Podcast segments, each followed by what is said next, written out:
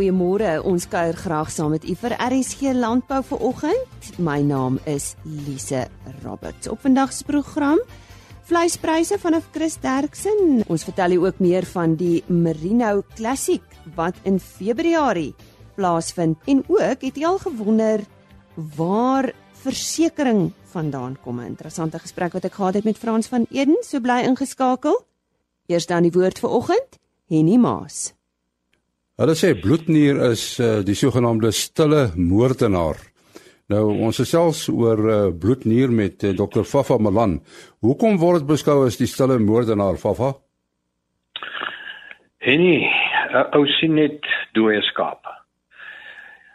Die groot storie is as ek vir boere vra wat is bloednier, dan begin hulle oor weiding praat en oor weer wat verandering. Skielike verandering van kos. Maar dit is nie eintlik wat die dier doodmaak nie. Daar's kieme wat die kiem is 'n klostridiale kiem, 'n anaeroop met ander woorde wat in die afwesigheid van suurstof groei. En hierdie kiem Clostridium perfringens tipe D kom normaalweg in die darm van skape voor. Met ander woorde is altyd daar. Daar is sekere omstandighede en dis nou waar die kos storie inkom wat veroorsaak dat hierdie kiem skielik vermeerder. En dit gaan dan oor welige aangeplante weidings. As jy skuif van swak grasveld af, skielike verandering van die dieet. En dan kom die storie van die lucerne en die groenkoring en groenhaver.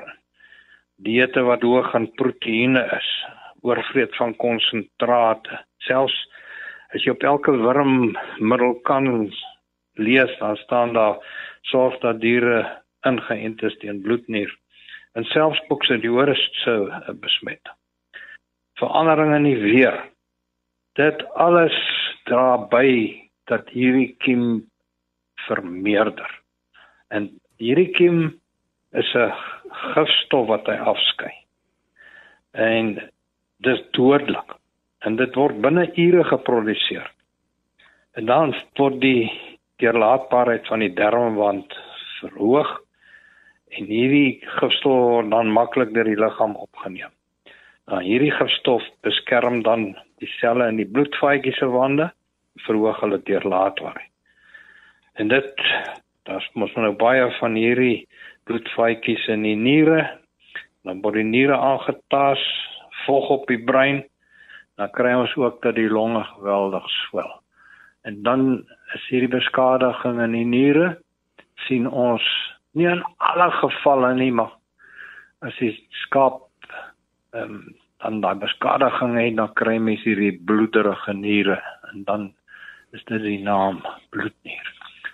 Daar's ook onthou kroniese bloednier en dit sien nou baie keer wat skape se brein word aangetast en dan van hierdie siek skape kan nie staan nie.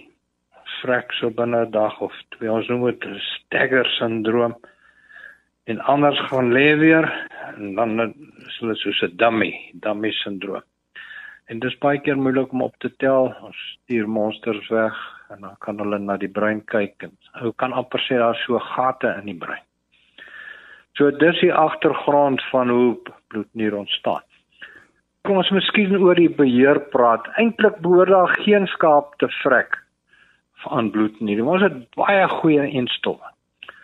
So dit hang af van die hoeveelheid gifstof wat gevorm word, die die hoeveelheid antitoksien wat die liggaam produseer as hulle ingeënt word. So by boodskappe en diere vroegtydig. Daar moenie 'n skaap wees wat nie ingeënt is nie. En onthou dis 'n dooie enstof. So vir die jong lammers moet ons die oeye inent so 4 tot 6 weke voordat hulle gaan lam sodat die immuniteit deur die kolostrum oorgedra word. En dan so op ongeveer so 6 tot 8 weke, daar's 'n bietjie ouer, dan ent ons vir die eerste keer die lammers in. Ons kry olie adjuvant en stof wat ou net een keer spuit of dan die geïnaktiveerde een wat 'n ou opvolg So 4 tot 6 weke later um, onthou om 'n booster te gee. Maar kyk net as jy jou skape gaan injaag in die groenvoer of in die voerkrale. Ek sou hulle liewerste weer inent.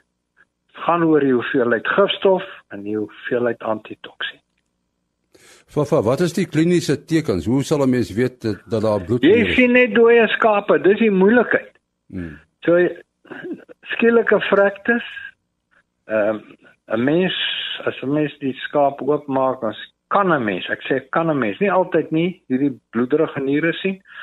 En as jy hom afslag en jy gooi daai vel so oop, dan sien 'n ou bloedings hier onder veral onder die vel hier in die nek gedeelte. En dan baie keer uh, geswelde uh, longe, volgens die longe. En dan as jy die hartsak oopmaak, dan kry jy so 'n jellyrige aansamelingie daar. Dis altyd wat ek na gekyk het. So skielike fraktes, hulle lê net as jy die oggend daar kom dan lê hulle dood. En partymal kan ou tot 50 skape kry. Ek het dit al gesien. So my boodskap is weer end, end, end. Onthou bokke kan ook bloednier kry alhoewel dit nou baie selde is. Uh, hulle kry 'n diarree en uh, hulle kan ook kry dat hulle bietjie swakkerig word. Beeste, jong kalvers, ehm um, hier 7 tot 10 weke kan ook uh bloednier kry. As ou hierdie toetstrokies het wat 'n mens toets vir suiker siekte en 'n mens sit dit in die urine, daar's baie keer suiker in die urine as gevolg van die beskadiging van die niere. Inligting oor bloednier deur Dr. Fafa Malan. En uh, Chris Derksen staan gereed nou met die nuutste vleispryse wat behaal is by veilinge in die Noord-Vrystaat en die datum van hierdie veilinge was Dinsdag 15 Januarie. Chris? Die belangrikste nuus is die ernstige effek wat die uitbraak van back and closure het dat meeste uitvoere gestop is van vleis wat 'n geweldige neerdrukkende invloed het op ons mark as 'n mens iets positief daaruit wil kry, kan mens ten minste sê dis ideale kooptyd vir enigiemand wat wil vee aankoop. Want pryse is regtig geweldig af. Geef julle die presiese pryse. Speenkalvers R30.03 per kilogram lewende gewig van 200 tot 250 kg R28.11 per kilogram lewendig en oor 250 kg R26.07 per kilogram. A klasse R22.81, B klasse R20 presies, C klasse vetkoeie R19.65 en maarkoeie het gewissel van R16.50 na R17.53 per kilogram. Slagbulle R20.90.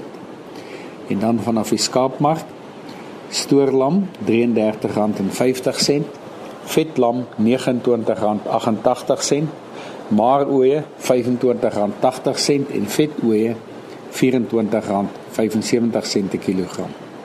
Van die bokmark is lammers R34.55 en ooe R26.10 per kilogram. Indien ons van enige verdere hulp kan wees, skakel maar enige tyd na 08280 75961. Baie dankie. Ons sê baie dankie aan Chris Derksen wat weekliks op sy pos is met ons vleispryse en 'n webtuiste vir daardie pryse is www.vleisprys.co.za. Ons gesels vanoggend met uh, Frans van Eden en hierdie keer praat ons oor uh, versekerings. Frans, ja, waar het die konsep van versekerings ontstaan? Wel, Lisa, om kyk na versekerings, dan gaan jy terug na der duisende jare te die vroegste vorm van versekerings was natuurlik waar uh mense het in 'n klein village, as ek dit sou kan sê, saam gebly en as iets met jou sou gebeur, sou jy huis brand af, dan jy bure almal saamgekom en hulle het saam gewerk om jou huis weer op te stel. Dis 'n baie eenvoudige vorm van versekerings. Dit het van daar 'n bietjie verder ontwikkel en die maklikste manier om te kyk na hoe dit ontwikkel het om te kyk na Genoa en Venesië, ehm um, in die boepunt van Italië wat daar gebeur het was hulle het 'n handelsryk gehad want hulle was in die boepunt van Italië so dis die maklikste om van daar af te gaan en dan die goedere wat jy inbring in die hawe in reg oor die res van Europa te versprei. So wat nou gebeur het was wanneer 'n skeepskaptein ehm um, geld leen om die vragte te gaan koop sien nou maar in die res van van die Mediterrane lande, dan kom hy te, en sou iets met hom gebeur of seerowers ehm um, vat die die goedere of die boot sink of hy verloor sy ehm um, goedere op 'n of ander manier oorboord, dan is hy nie aanspreeklik vir daai skuld nie. Hy skryf die skuld af. Nou dit is ook die vroegste vorm van versekeringskontrak wat ons het op rekord van uh wat ons van weet.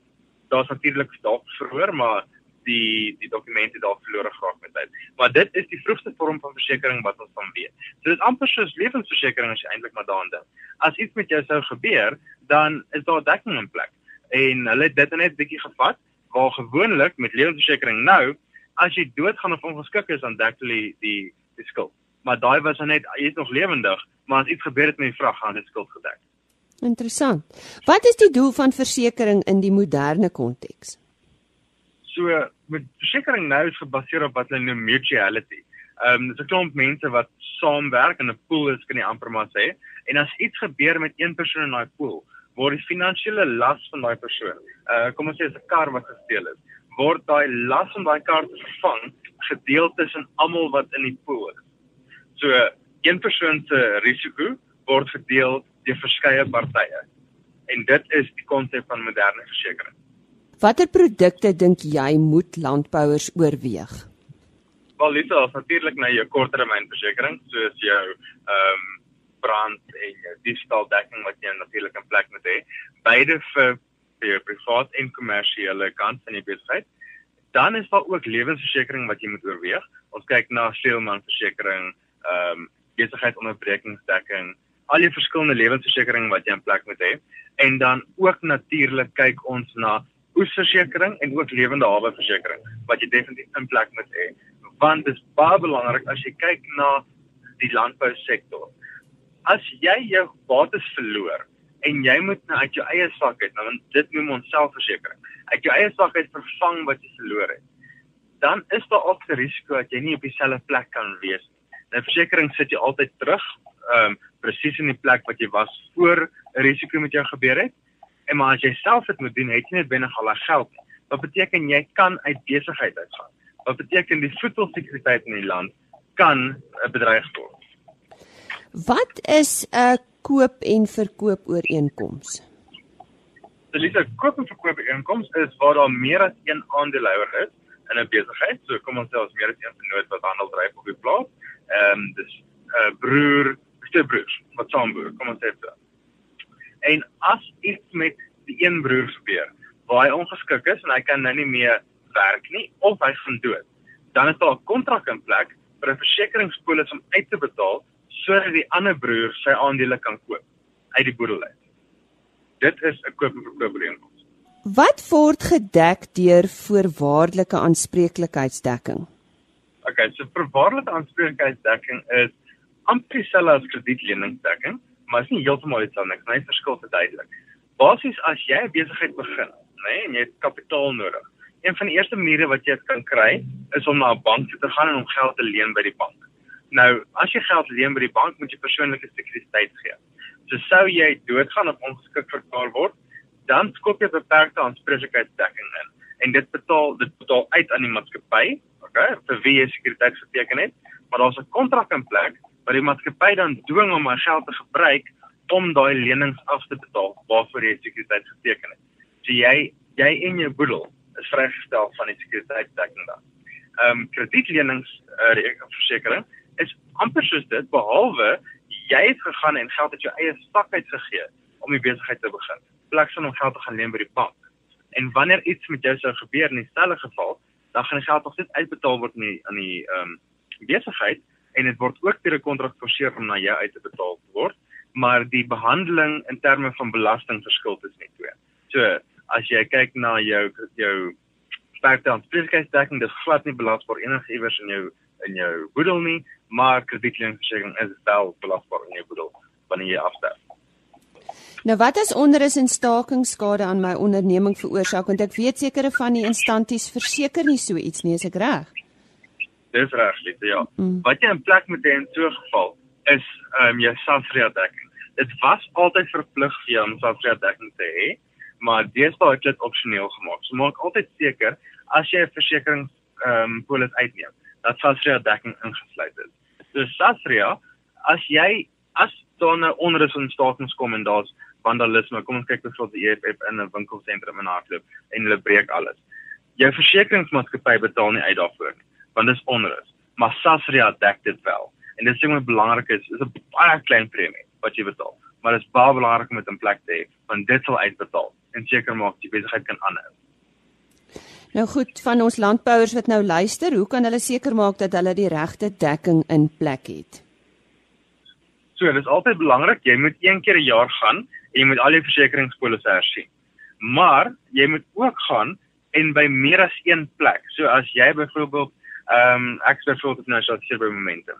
En ek sê vir my kliënte sê jy moet nog steeds versekeringsdekking of kwotasies kry iewers anderste om seker te maak dat wat ons jou gee, jy gerusstelling het dat jy die beste produk het. So dit is een van die dinge wat mense moet doen. Bietjie rond shop, seker maak dat dit wat hulle het is die beste prys en is die beste produk wat hulle kan kry vir hulle prys. Goed, maar nou het jy gepraat oor prys, so kom ons kyk wat is 'n uh, 'n billike versekering as ons na prys kyk. So die doel van versekerings is natuurlik om die dekking te kry wat jy nodig het teen die laagste moontlike prys. Nou as ek vir altyd gaan bly net by een versekeringsmaatskappy en ek gaan nie rondkyk wat om my gebeur nie, dan gaan ek nie weet of ek 'n billike prys betaal nie. So jy moet 'n bietjie rondkyk, jy moet 'n bietjie rond shop. Maar onthou, ehm um, pryse wat jy betaal, waardes wat jy terugkry. So kyk na alles wat jy kry saam wat so saam in 'n pakkie gesit word, ja, wanneer jy versekeringspolis uitneem. Het jy versekeringspolis dalk 'n uh, 'n uh, clause in wat sê jy's deel van 'n uh, rewards program. So dit gee vir jou afslag op ander items wat jy gebruik vandag tot dag gebruik. Uh, kry jy dalk geld terug as jy koop by sekere handelaars, gaan jy geld terugkry elke 5 jaar as jy nie eis nie of kry geld terug elke jaar as jy al hierdie dingetjies saam, as jy kyk na die waarde van dit alles, dit bring mos jou jou totale begroting af. Nou as daai waarde wat dit jou het meer is in terme van die waarde wat afbring in die totale versekerings en jou totale begroting, dan is dit 'n billike prys. Solank jy net ten minste die laagste prys betaal, dan is dit ook goed. En hoe beskerm 'n landbouer nou sy familie teen die risiko van sy dood of ongeskiktheid? So wat gebeur basies wanneer jy dood of ongeskik is? Jy moet daaraan dink dat die geld wat jy verdien nou, as jy jy het net maar jy is 40 jaar oud. Dis nou 'n voorbeeld. Jy het nog 25 jaar voordat jy by normale aftree ouderdom van 65 kom. Sou jy kon werk of sou jy nog gelewe het en gewerk het, sou jy vir 25 jaar lank 'n inkomste in die huis ingebring het. Wat gaan nou met jou vrou en kinders gebeur as jy nou nie meer daar is nie? Jy moet voorsiening maak vir daai inkomste stroom vir die 25 jaar vir hulle om te kan voorsien.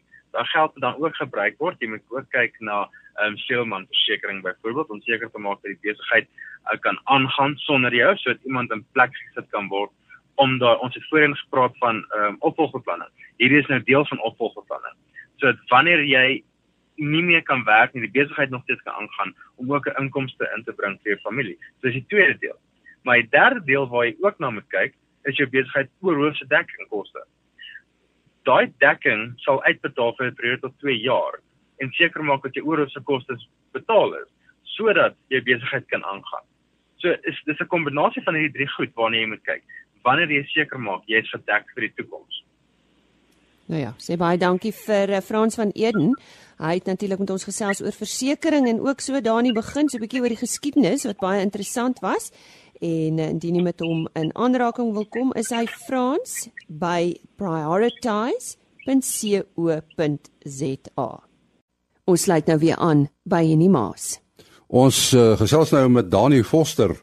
Nou Dani Foster is die bestuurder van Merino uh, SA en ons praat met hom oor die Merino Classic.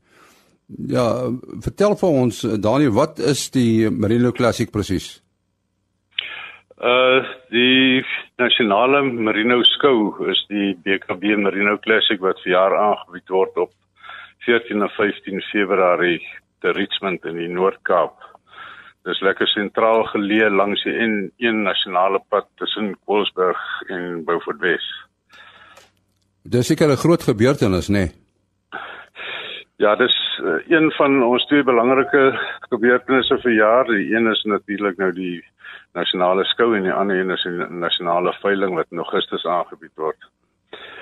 Nou uh, wat die BKB nasionale uh, Merino Classic betref, het die skoukomitee alreeds omtrent al die reëlings getref en hulle het ook die behokingsfasiliteite uitgebrei en opgegradeer so ons kan tot 700 skape onder dak huisves en ons hoop ons gaan dit volmaak.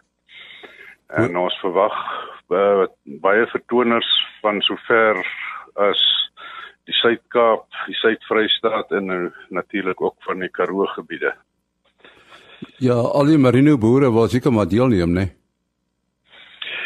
Uh ja, uh, omdat dit die nasionale skou is, uh neem natuurlik net die ouens deel wat nou wat, wat dink hulle staan daar 'n kans om om goed te presteer ook daarso.